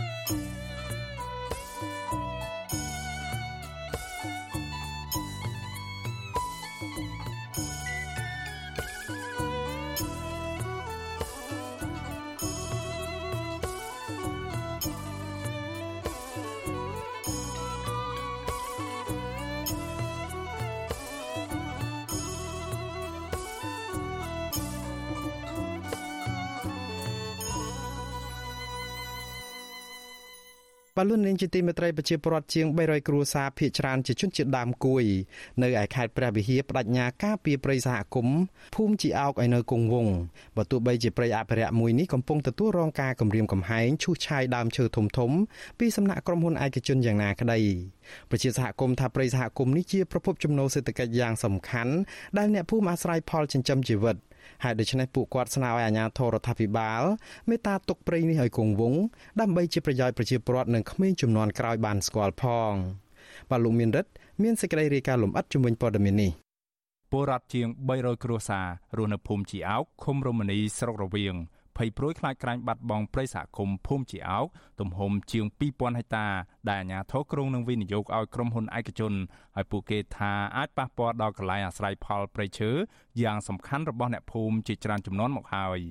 អ្នកភូមិថាអាញាធរខេត្តព្រះវិហារនិងរដ្ឋមន្ត្រីក្រសួងបរិស្ថានបានជូនដំណឹងប្រាប់ពួកគាត់ថានឹងវិនិយោគព្រៃសហគមន៍នេះមួយផ្នែកឲ្យក្រុមហ៊ុនសន្តានា Agro Products របស់អង្គការអុកកំសានដើម្បីស្ដារព្រៃឈើឡើងវិញក៏ប៉ុន្តែពួកគាត់បានបដិសេធ សមាជិកសហគមន៍ការពារព្រៃឈើភូមិជីអោកលោកជុំចិនប្រកាសចំហថាអ្នកភូមិរាប់រយគ្រួសារមិនព្រមវិនិយោគព្រៃសហគមន៍នេះទៅឲ្យក្រុមហ៊ុនជាដាច់ខាតព្រោះព្រៃអភិរក្សមួយនេះគឺជាព្រៃដែលនៅសេសសល់ចុងក្រោយនៅក្នុងខេត្តនេះដែលមានដើមឈើធំធំសម្បូរទៅដោយសត្វព្រៃកម្ររស់នៅ និងជាប្រភពអនុផលព្រៃឈើយ៉ាងសម្បូរបែប លោកចោទថាប្រធានសហគមន៍លោកស្វាយថិននិងគណៈកម្មការសហគមន៍មួយចំនួនទៀតបានខົບខិតគ្នាជាមួយក្រុមហ៊ុនចង់វិនិយោគព្រៃនេះទៅឲ្យក្រុមហ៊ុន ដើម្បីផលប្រយោជន៍ផ្ទាល់ខ្លួនលោកសង្ស័យថាផែនការរបស់ក្រុមហ៊ុនគឺចង់កាប់ឈើធំធំជាច្រើនម៉ឺនដើមនៅក្នុងព្រៃនេះដើម្បីធ្វើអាជីវកម្មហើយពុំមែនជាការស្ដារព្រៃឈើឡើងវិញនោះទេ ចង់ឲ្យនៅព្រៃនេះអត់ឲ្យក្រុមហ៊ុនណាមកឈូសឆាយទេចង់ឲ្យនៅគ្រាន់តែខូចអនុផលដូចជាសត្វផ្លែឈើគ្រប់មុខដោះដូរមួយឆ្នាំទល់មួយឆ្នាំសម្រាប់តែលក្ខណៈគ្រួសារអីចូលព្រៃដើរបេះសត្វឬដកបេះផ្លែឈើគ្រាន់តែដោះសារដោះស្រាយម្ហូបបានបានមកដោះស្រាយម្ហូប លោកជុំចិនបន្ថែមថាជារៀងរាល់ឆ្នាំអ្នកភូមិមួយគ្រួសារអាចរកប្រាក់ចំណូលបានដោយការដកផ្សិតលក់នៅក្នុងចន្លោះពី1លានរៀលដល់4លានរៀលនៅក្នុងមួយរដូវកាលលើសពីនេះទៀតព្រៃនេះក៏បានហុចអនុផលព្រៃឈើជាច្រើនប្រភេទទៀតរួមមានដូចជាផ្លែគុយនិងផ្លែរំដួលជាដើមលោកបានថែមថាដើមឈើធំធំ ភាគច្រើនគឺជាដើមផ្ដៀកផ្ចឹកកកោះ ឈើទាលនិងកគីជាដើមដែលអាចប្រឈមនឹងការវិនិច្ឆ័យហិនហោចប៉ះសិនបាអាញាធរវិនិយោគព្រៃនេះទៅឲ្យក្រុមហ៊ុនឯកជនជនជាតិដើមភាគតិចគួយដែលអាស្រ័យផលព្រៃសហគមន៍នេះគឺលោកចិនរិនថ្លែងថាគណៈកម្មការសហគមន៍ខ្លះមានបំណងចង់វិនិយោគព្រៃសហគមន៍នេះទៅឲ្យក្រុមហ៊ុនដោយក្នុង1ហិកតាទទួលបានចំណូល100000រៀលក្នុងមួយឆ្នាំហើយប្រាក់ចំណូលដែលទទួលបានពីការវិនិយោគនេះនឹងយកទៅអភិវឌ្ឍមូលដ្ឋាន លោកថាអ្នកភូមិជាង300គ្រួសារដែលជាសមាជិកសហគមន៍បានជំទាស់ដាច់ខាតព្រោះបទពិសោធន៍កន្លងទៅក្រុមហ៊ុនវិនិយោគនៅកន្លែងណាប្រៃឈើរលាយហិនហោចនៅកន្លែងនោះលោកបញ្ជាក់ថាមហិច្ឆតារបស់ក្រុមហ៊ុនគឺចង់កាប់ឈើធំធំនៅក្នុងព្រៃនេះឲ្យក្លាយទៅជាវាលរហោឋានដើម្បីធ្វើអាជីវកម្មដែលអាចបង្កផលប៉ះពាល់ដល់កន្លែងរកអនុផលព្រៃឈើរបស់ប្រជាពលរដ្ឋនិងការប្រែប្រួលអាកាសធាតុ។ ទៅពេលគាត់ថាដាំឈូសឈូសវិនិយោគទៅដាំដើមឈើដែលលឿនខ្ញុំថាពីអញ្ចឹងសមាជិកខ្ញុំឆ្លើយថាចុះឈើធំធំហើយទៅឈូសវាចូលទៅដាំរំនឹងធំនឹងកាលនេះធំស្រេចហើយវាមានគ្រប់ប្រភេទដូចថាមុខម៉ានយើងបើយើងវាយស្មានថាយើងបាច់វាយគោះឬវាយថាត្រឹមមុខ150ចុះចុះមកក្រោមវាមានរហូតអានោះយើងវាយទៀបមុំត្រឹមមុខ150បើថាផ្ដៀកណាបើថាកកោះវាមានត្រឹម100 110អស់ហើយបើកកោះបើជាក់ស្ដែងបើថាផ្ដៀកមានអាចដល់ជិត200ហ្នឹង កាលពីសប្តាហ៍មុនពជាសហគមន៍ជាង100នាក់បានលើកគ្នាតវ៉ាពីថ្ងៃជាប់គ្នានៅតំបន់ព្រៃសហគមន៍ជីអោកដើម្បីទាមទារឲ្យក្រុមហ៊ុនសន្តានា Agro Products របស់អង្គការអុកកំសានបញ្ឈប់សកម្មភាពឈូសឆាយព្រៃសហគមន៍ជាបន្ទាន់អ្នកភូមិចោទថាក្រុមហ៊ុននេះបានប្រើប្រាស់គ្រឿងចាក់5គ្រឿងឈូសផ្ដួលរំលំដើមឈើធំធំរាប់ពាន់ដើមនៅក្នុងព្រៃអភិរក្សនេះនៅចំណុចក្រោយត្រពាំងព្រះ វិសុយស៊ីស្រីមិនទាន់អាចតាក់ទងសុំការបំភ្លឺរឿងនេះពីប្រធានសហគមន៍ភូមិជីអោលោកស្វាយថិននិងអភិបាលខេត្តព្រះវិហារលោកប្រាក់សវណ្ណបាននៅឡើយទេនៅថ្ងៃទី13ខែកញ្ញាចំណែកប្រធានមន្ទីរបរិស្ថានខេត្តព្រះវិហារវិញលោកសុងច័ន្ទសុជាតិលោកប្រាប់ឲ្យនារីការព័ត៌មានវិទ្យុអេស៊ីស្រីចូលជួបលោកផ្ទាល់នៅមន្ទីរបរិស្ថានទើបលោកបំភ្លឺរឿងនេះមេឃុំរមនីលោកខុតរីប្រាវិសុយស៊ីស្រីថាអាញាធរ មន្ទីរបរិស្ថាននិងក្រុមហ៊ុន បានចុះផ្សព្វផ្សាយជាច្រើនលើកដើម្បីឲ្យពលរដ្ឋបានជ្រាបពីគម្រោងវិនិយោគដីព្រៃសហគមន៍កន្លែងដែលសឹករិចរិលទៅឲ្យក្រុមហ៊ុន ហើយថវិកាដែលទទួលបានពីការវិនិយោគនោះនឹងត្រូវយកទៅអភិវឌ្ឍមូលដ្ឋាន វិនិយោគនឹងគេឲ្យក្រុមហ៊ុនដាំដុះដំណាំដាំដុះដំណាំហើយគេឲ្យជាផលគោចិញ្ចឹមគោបាទហ្នឹងជាការព្រមព្រៀងពីសហគមន៍រវាងសហគមន៍និងក្រុមហ៊ុនមិនមែនអាជ្ញាធរហ្នឹងទៅបង្ខិតបង្ខំទៅអីគាត់ទេការព្រមព្រៀងស្រស់ស្រួលរបស់គាត់ក៏ប៉ុន្តែសហគមន៍ថាព្រៃសហគមន៍នេះគ្មានព្រៃរិចរិលនោះទេគឺមានតែព្រៃស្រោងនិងព្រៃរបោះដែលជាជំរកសត្វព្រៃកម្ររស់នៅនិងចិញ្ចឹមជីវិត ព្រៃសហគមន៍នេះមានដើមឈើធំធំច្រើនជាងគេបើប្រៀបធៀបទៅនឹងព្រៃអភិរក្សផ្សេងទៀតអមដោយទេសភាពស្រស់ស្អាតគ្រប់រដូវកាលដែលអ្នកភូមិចង់បង្កើតទីនោះឲ្យក្លាយទៅជាកន្លែងទេសចរធម្មជាតិម្ចាស់ក្រុមហ៊ុនសន្តានា Agro Product គឺអញ្ញាអុកកំសានធ្លាប់មានរឿងរ៉ាវអាស្រូវជាច្រើនតាក់ទងទៅនឹងការបំផ្លិចបំផ្លាញធនធានធម្មជាតិនៅក្នុងខេត្តព្រះវិហារនិងខេត្តស្ទឹងត្រែងសកម្មជនបរិស្ថានធ្លាប់ចោទថាអញ្ញារូនេះ គឺជាមេឈ្មួញឈើដោះស្លែនិងជាមនុស្សចំណិតអង្គញាត្រីភិបដែលបានចេញមុខរកស៊ីឈើនៅស្រុកសៀមប៉ាងខេត្តស្ទឹងត្រែងនិងខេត្តពោធិ៍សាត់រហូតទទួលបានងារជាអង្គញាវិសុវស៊ីស្រីក៏បានព្យាយាមតាក់ទងម្ចាស់ក្រុមហ៊ុនសន្តានា Agro Products គឺអង្គញាអុកកំសានដែរក៏ប៉ុន្តែជំនួយការរបស់លោកបានលើកទូរស័ព្ទជំនួសហើយប្រាប់ថាមិនដឹងរឿងរ៉ាវនេះទេព្រោះកំពុងធ្វើការនៅការិយាល័យនៅឯរាជធានីភ្នំពេញ ព្រៃសហគមន៍ភូមិជីអោកឬហៅម្យ៉ាងទៀតថាសហគមន៍តំបន់ការពារធម្មជាតិជីអោកបឹងព្រៃគឺជាផ្នែកមួយនៃដែនជម្រកសត្វព្រៃបឹងពែមានផ្ទៃដីទំហំជាង2000ហិកតាព្រៃសហគមន៍នេះបានចុះបញ្ជីទទួលស្គាល់ដោយក្រសួងបរិស្ថាន កាលពីឆ្នាំ2003ស្ថិតនៅក្នុងភូមិជីអោកឃុំរមនីស្រុករវៀងខេត្តព្រះវិហារ អ្នកភូមិថាព្រៃការពារនេះមានសត្វព្រៃកម្រជាច្រើនប្រភេទរស់នៅ រួមមានសត្វទន្សោងស្វា ខ្ទីងប្រើសក្ងោក និងជ្រូកព្រៃជាដើមជុំវិញរឿងនេះនាយកប្រតិបត្តិអង្គការពន្លកខ្មែរលោកពឹកសុភ័ណ្ឌចាត់ទុកការវិនិយោគរបស់ក្រុមហ៊ុន ថាគឺជារឿងមិនសមហេតុផលទាល់តែសោះព្រោះព្រៃធម្មជាតិសម្បូរទៅដោយព្រៃស្រោងបែរជាក្រុមហ៊ុនចង់កាប់ព្រៃឈើដើម្បីស្ដារព្រៃទៅវិញលោកថារដ្ឋាភិបាលគួរតែពិនិត្យមើលករណីនេះ ធ្វើយ៉ាងណារក្សាព្រៃបន្សល់ទុកចុងក្រោយឲ្យបានគង់វង្សហើយបញ្ឈប់សកម្មភាពវិនិយោគទាំងឡាយណាដែលធ្វើឲ្យប៉ះពាល់ដល់ព្រៃអភិរក្សនិងជីវភាពរបស់ប្រជាជន ស្របតាមការបដិញ្ញាចិត្តរបស់ខ្លួន ព្រៃស្រោងព្រៃមិនអាចមើលថ្ងៃឃើញហើយដល់និយាយភូតផលកុហកតាមផែនការថាមកស្ដារព្រៃឈើឡើងវិញហើយកំពុងតែកាប់ឈើអស់កកកដីយ៉ាងនេះរាជរដ្ឋាភិបាលគួរតែពិនិត្យមើលអំពីដំណើរការហ្នឹងហើយពីព្រោះរដ្ឋាភិបាលបានបដិញ្ញាចិត្តថានឹងថែរក្សាព្រៃឈើធម្មជាតិឲ្យបានគង់វង្សនៅឆ្នាំខាងមុខខាងមុខទៀតរហូតណា រីឯសកម្មជនបរិស្ថាន លោកហេងស្រស់វិញលោកសោកស្ដាយចំពោះអ្នកដែលរកស៊ីកាប់ឈើនិងជួញដូរឈើខុសច្បាប់ ដែលនៅតែមានវត្តមាន និងមានឱកាសកាប់ឈើដដែលដដែលគ្មានដំណោះស្រាយទាល់តែសោះនោះ បើសិនជាមិនមានចេតនាចេញពីអាជ្ញាធរបើសិនជាមិនមានចេតនាចេញពីមន្ត្រីអ្នកដែលជាប់ពាក់ព័ន្ធនោះទេយើងគិតថាការកម្មហានប្រេឈើនៅក្នុងប្រទេសកម្ពុជាអត់អាចប្រព្រឹត្តទៅបានទេតែបើសិនជាមន្ត្រីទាំងអស់នោះបានខົບខិតគ្នាជាមួយនឹងក្រុមឈ្មួញក្រុមជាមួយនឹងក្រុមអង្គការនោះហើយដែលជាធ្វើឲ្យមានវិនិស្សកម្មប្រេឈើនៅព្រៃសហគមន៍ជាដើម ប្រជាសហគមន៍រំលឹកថាកាលពីខែកក្កដារដ្ឋមន្ត្រីក្រសួងបរិស្ថានលោកសាយសំអាលធ្លាប់ចុះទៅព្រៃសហគមន៍នេះហើយបានប្រាប់ពួកគាត់ថាក្រុមហ៊ុនចង់វិនិយោគព្រៃសហគមន៍នេះនៅកន្លែងរិចរិល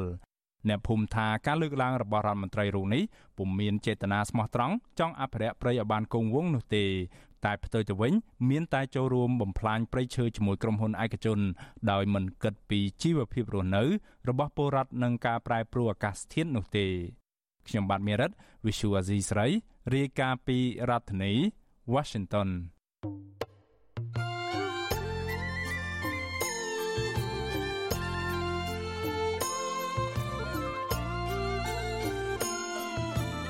បាទលោកនាងជាទីមេត្រីលោកនាងកំពុងតែស្ដាប់ការផ្សាយរបស់វិទ្យុអាស៊ីសេរីផ្សាយចេញពីរដ្ឋធានី Washington សហរដ្ឋអាមេរិក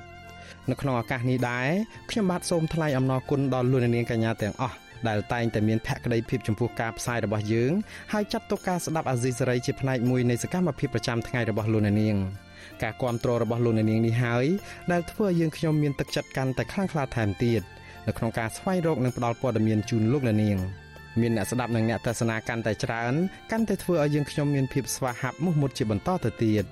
យើងខ្ញុំសូមអរគុណទុកជាមុនហើយសូមអញ្ជើញលោកនាងកញ្ញាចូលរួមជំរុញសកម្មភាពផ្តល់ព័ត៌មានរបស់យើងនេះឲ្យកាន់តែជោគជ័យបន្ថែមទៀតលោកនាងអាចជួយយើងខ្ញុំបានដោយគ្រាន់តែចុចចែករំលែកឬក៏ Share ការផ្សាយរបស់យើងនៅលើបណ្ដាញសង្គម Facebook និង YouTube ទៅកាន់មិត្តភ័ក្តិដើម្បីការផ្សាយរបស់យើងបានទៅដល់មនុស្សកាន់តែច្រើន សូមអរគុណ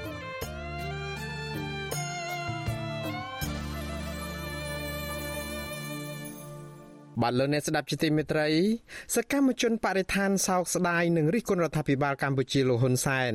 ដែលបរាជ័យនៅក្នុងការលក់កាបោនទៅឲ្យប្រទេសកូរ៉េខាងត្បូង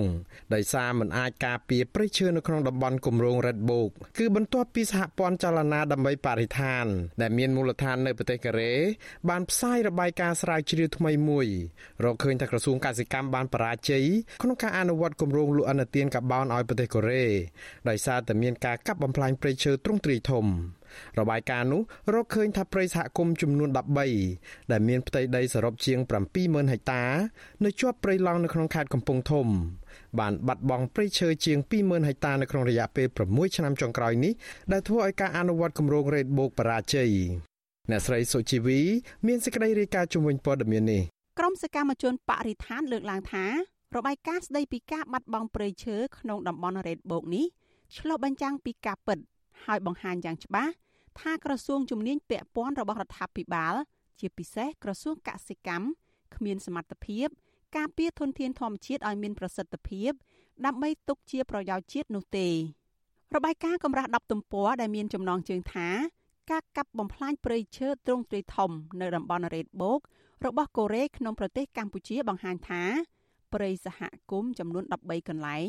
បានបាត់បង់ព្រៃឈើរាប់ម៉ឺនហិកតា ស្ថិតនៅតំបន់ទំរិញជាប់ដែនជំរកសត្វព្រៃឡង់ក្នុងខេត្តកំពង់ធំ ធ្វើឲ្យប៉ះពាល់ដល់ការអនុវត្តគម្រោង Red Book របស់ប្រទេសកូរ៉េដែលមានតម្លៃរាប់រយលានដុល្លារការចុះស៊ើបអង្កេតនេះសហព័ន្ធចលនាដើម្បីបរិស្ថានរបស់កូរ៉េបានសហការជាមួយនឹងក្រុមសកម្មជនការពារព្រៃឈើកម្ពុជាដោយប្រើឧបករណ៍ប្រមូលទិន្នន័យការវិភាគប្រើរូបភាពផ្កាយរណបរូបថតវីដេអូ ឧបករណ៍តាមដាន ប្រព័ន្ធកំណត់ទីតាំងសកល ឬ GPS សម្ភារប្រជាសហគមន៍និងចុះត្រួតពិនិត្យទីតាំងកັບរៀនទន្ទ្រានដីព្រៃជាក់ស្ដែងបេសកកម្មនេះធ្វើឡើងរយៈពេល3ខែចាប់ពីខែឧសភា ដល់ខែកក្កដាឆ្នាំ2021នេះរបាយការណ៍ចេញផ្សាយជាភាសាអង់គ្លេសកាលពីចុងខែសីហាកន្លងទៅឲ្យដឹងថា ក្រុមការងារចុះស្រាវជ្រាវនេះដឹកនាំដោយម្ចាស់ពានរង្វាន់វីរៈជនការពារបរិស្ថានពិភពលោកឆ្នាំ2016លោកអ៊ូចលេងនិងគាំទ្រដោយសកម្មជននៃសហព័ន្ធកូរ៉េដើម្បីចលនាបរិស្ថាន និងមូលនិធិជីវៈចម្រុះការស្រាវជ្រាវរកឃើញថាព្រៃសហគមន៍ចំនួន13ក្នុងចំណោមព្រៃចំនួន14កន្លែងក្នុងតំបន់ទំរិញរ៉េតបូកស្ថិតនៅក្នុងឃុំទំរិញស្រុកសណ្ដានខេត្តកំពង់ធំជាប់ដែនចម្រោកសត្វព្រៃឡង់ បានបាត់បង់ព្រៃចំនួន37%នៅក្នុងរយៈពេល6ឆ្នាំចុងក្រោយនេះការរកឃើញនេះផ្អែកតាមទិន្នន័យផ្កាយរណបសាធារណៈផ្ដល់ដោយសាកលវិទ្យាល័យ Maryland ដែលរកឃើញថា ទំហំព្រៃឈើបានថយចុះប្រមាណជាង56,000ហិកតា នៅក្នុងឆ្នាំ2015និងបាត់បង់ព្រៃឈើជាង15,000ហិកតានៅក្នុងឆ្នាំ2020 ក្រៅពីនេះទំហំព្រៃឈើដែលបានបាត់បង់ភាគច្រើន បានប្រែក្លាយទៅជាដីចម្ការ មានដំណាំដំឡូងមីកៅស៊ូនិងស្វាយចន្ទីជាដើម គ្រប់គ្រងដោយកម្មសិទ្ធិឯកជនសកម្មជនការពារព្រៃឈើដែលចុះស្រាវជ្រាវលោកហេងស្រស់យល់ថារដ្ឋាភិបាលកម្ពុជាត្រូវតែពង្រឹងសមត្ថភាពឡើងវិញនិងកែប្រែអរិយាប័ត្រកុំឲ្យមានការកាប់ទន្ទ្រានព្រៃឈើនិងកាប់ឈើបន្តទៀតហើយត្រូវដាំដើមឈើស្ដារព្រៃឡង់ឡើងវិញ លោកថាអំពើពុករលួយ ភាពកំសោយនៃការអនុវត្តច្បាប់ និងកំសោយនៃការគ្រប់គ្រងធនធានធម្មជាតិធ្វើឲ្យព្រៃកេរដំណែលដូនតារលាយហិនហោចដោយសារតែមន្ត្រីរដ្ឋាភិបាលមួយចំនួនគ្មានឆន្ទៈគ្មានភាពស្មោះត្រង់ការពារព្រៃឈើ និងទប់ស្កាត់បទល្មើសព្រៃឈើឲ្យមានប្រសិទ្ធភាពក្រសួងបរិស្ថានទាំងក្រសួងកសិកម្មមានទូនាទីសំខាន់ក្នុងការទប់ស្កាត់កុំឲ្យមានការកំផ្លាញព្រៃឈើនៅក្នុងប្រទេសកម្ពុជាប៉ុន្តែ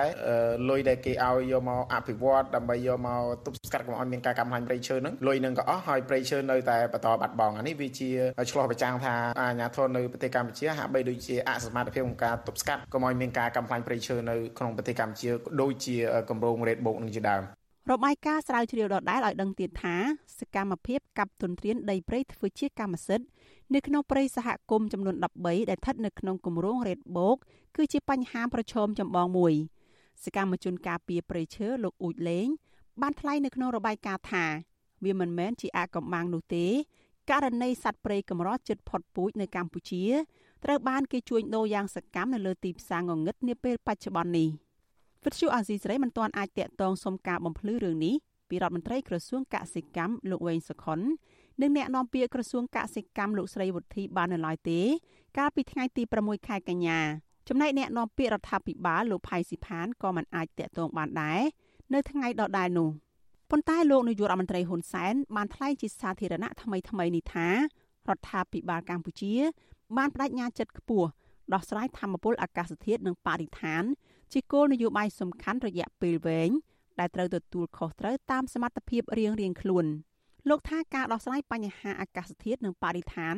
ជាការលំបាកមួយដែលទាមទារឲ្យមានការចូលរួមពីគ្រប់ភាគីពាក់ព័ន្ធទាំងអស់ ប្រទេសកម្ពុជាទទួលបានជោគជ័យក្នុងការចូលរួមទីផ្សារកាបូនស្ម័គ្រចិត្តក្នុងរយៈពេលជាច្រើនឆ្នាំកន្លងទៅនេះកម្ពុជាចាត់ទុកអន្តទានកាបូននេះជាប្រភពធនធានហិរញ្ញប្បទានប្រកបដោយចីរភាពដ៏សំខាន់មួយសម្រាប់សកម្មភាពកាត់បន្ថយការបញ្ចេញអូស្មန်ផ្ទះកញ្ចក់ហើយកម្ពុជាបើកចំហទទួលការចូលរួមនៅក្នុងភាពជាដៃគូជាមួយបណ្ដាប្រទេស និងវិស័យឯកជននានា បើទោះជាយ៉ាងណាក្រុមសកម្មជនបរិស្ថានយល់ថាការលើកឡើងរបស់លោកហ៊ុនសែនគ្រាន់តែធ្វើឲ្យល្អមើលនិងល្អស្ដាប់ប៉ុណ្ណោះនាយិកាអង្គការសាមគ្គីអន្តរជាតិនៃសហព័ន្ធចលនាដើម្បីបរិស្ថាន គឺអ្នកស្រី Kim Helin បានថ្លែងនៅក្នុងរបាយការណ៍នោះដែរថា ការបាត់បង់ទំហំព្រៃឈើទាំងនេះនាំឲ្យមានកេរ្តិ៍ឈ្មោះមិនល្អនិងមានការរិះគន់ថាគម្រោង Red Book ជាទីភ្នាក់ងារបំផ្លាញព្រៃឈើ អ្នកស្រីជំរុញឲ្យមានការស៊ើបអង្កេតឲ្យបានម៉ត់ចត់បន្ថែមទៀតពីសកម្មភាពកាប់ឈើខុសច្បាប់នៅតំបន់ Red Book រីឯសកម្មជនការពារព្រៃឡង់រស់នៅស្រុកសណ្ដានលោកហ៊ឿនសុភីបវិញលោកយល់ថារបាយការណ៍នេះឆ្លុះបញ្ចាំងពីការពិតស្របពេលដែលព្រៃសហគមន៍ដែលមានការគ្រប់គ្រងដោយមន្ត្រីរដ្ឋបាលព្រៃឈើរបស់ក្រសួងកសិកម្មបានថយចុះយ៉ាងគំហុកពីមួយឆ្នាំទៅមួយឆ្នាំលោកថាមន្ត្រីជំនាញនិងអាជ្ញាធរថ្នាក់ក្រោមជាតិមួយចំនួនកំពុងមមាញឹកក្នុងការលូកដៃជាខ្នងបង្អែកដែលផ្ដល់ផលប្រយោជន៍ទៅដល់អ្នកកាប់បំផ្លាញព្រៃឈើនិងអ្នករកស៊ីឈើខុសច្បាប់ខណៈដែលរដ្ឋាភិបាលមិនសូវយកចិត្តទុកដាក់អនុវត្តច្បាប់លើមន្ត្រីខលខូចដែលប្រព្រឹត្តអំពើពុករលួយនៅឡើយនោះរដ្ឋាភិបាលនៅតែមានគំនិតក្នុងការបណ្ដេតបណ្ដោយ ដូចជាបច្ចុប្បន្ននេះខ្ញុំគិតថាมันអាចសល់បានទេទោះបីជាក្រសួងណាក៏ដោយតែមានចំណុចខ្សោយពីរដ្ឋាភិបាលទាំងមូលហើយខ្ញុំគិតថាវាមិនអាចទៅរួចទេប្រធានផ្នែកកម្មវិធីស្រាវជ្រាវនឹងតស៊ូមតិនៃសមាគមបណ្ដាញយុវជនកម្ពុជា លោកហេងគឹមហុងយល់ថាការបាត់បង់ព្រៃឈើនៅក្នុងតំបន់ Red Book ឆ្លុះបញ្ចាំងថាក្រសួងកសិកម្មគ្មានសមត្ថភាព ការពារធនធានធម្មជាតិឲ្យមានប្រសិទ្ធភាពនោះទេ គួរតែមានការពិន័យរដ្ឋបាលដោយខានពំបានទៅលើមន្ត្រីរដ្ឋបាលការពារឬក៏មន្ត្រីរដ្ឋបាលព្រៃឈើនៅក្នុងតំបន់នោះដើម្បីលើកទឹកចិត្តចំពោះមន្ត្រីដែលខិតខំការពារនិងមិនឲ្យមានការចូលរួមពីមន្ត្រីរាជការក្នុងការចូលរួមពាក់ព័ន្ធជាមួយនឹងក្រុមអ្នកបំផ្លាញទុនធានធម្មជាតិទាំងអស់នោះបាទអ្នកជំនាញបរិស្ថានពន្យល់ថាគម្រោង Red Book គឺជាកម្មវិធីជាតិកាត់បន្ថយការបំភាយឧស្ម័នផ្ទះកញ្ចក់ដោយសារបាត់បង់ព្រៃឈើ Red Book មានគោលបំណងការពារព្រៃឈើឲ្យគង់វង្សសម្រាប់ជាផលប្រយោជន៍ជាតិចូលរួមកាត់បន្ថយការប្រែប្រួលអាកាសធាតុសកល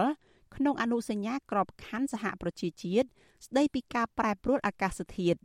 របាយការណ៍ស្រាវជ្រាវដដែលឲ្យដឹងទៀតថាក្រមសកម្មជនបរិស្ថាន បានចុះវាស់វែងជាក់ស្ដែងនៅតំបន់នោះអះអាងថា ការខូចខាតព្រៃឈើនៅក្នុងតំបន់រ៉េតបូកនេះគឺមានរហូតដល់ទៅ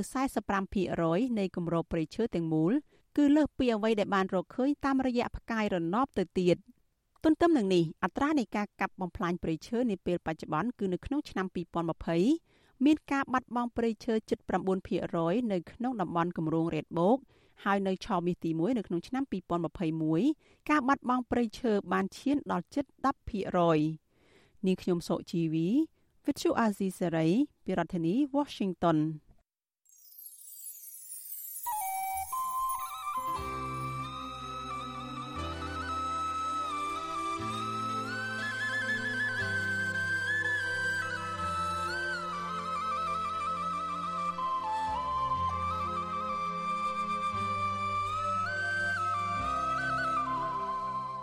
បាទលោកនាងជាទីមេត្រីជាបន្តទៅទៀតនេះខ្ញុំបាទមុងណារ៉េតសូមជូនព័ត៌មានបញ្ចប់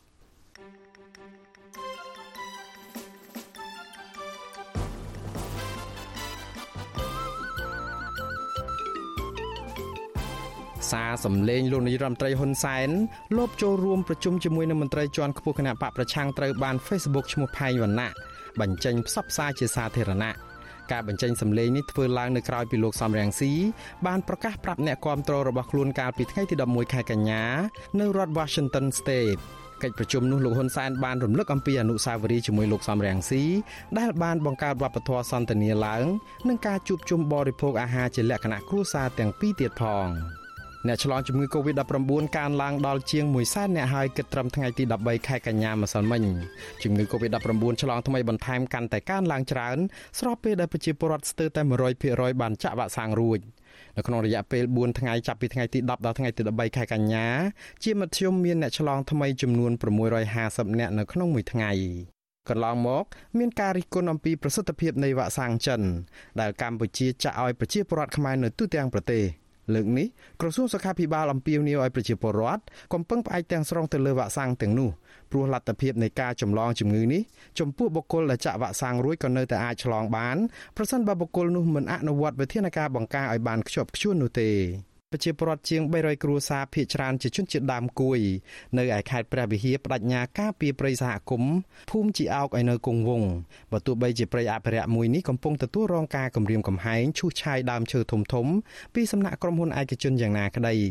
ប្រជាសហគមន៍ថាព្រៃសហគមន៍នេះជាប្រភពចំណូលសេដ្ឋកិច្ចយ៉ាងសំខាន់ដែលអ្នកភូមិអាស្រ័យផលចិញ្ចឹមជីវិត ហើយដូច្នេះពួកគាត់ស្នើឲ្យអាជ្ញាធររដ្ឋាភិបាលមេត្តាទុកព្រៃនេះឲ្យគង់វង្សដើម្បីជាប្រយោជន៍ប្រជាពលរដ្ឋនិងក្មេងជំនាន់ក្រោយបានស្គាល់ផង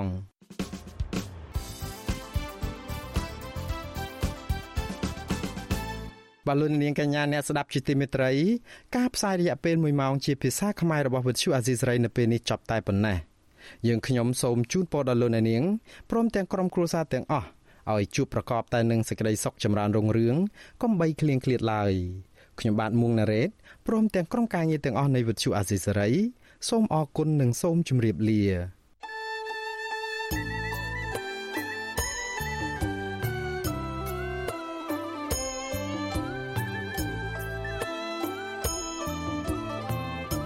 វិទ្យុអាស៊ីសេរីផ្សាយតាមរលក ធាតុអាកាសខ្លីឬ short wave តាមកម្រិតនិងកម្ពស់ដូចតទៅនេះ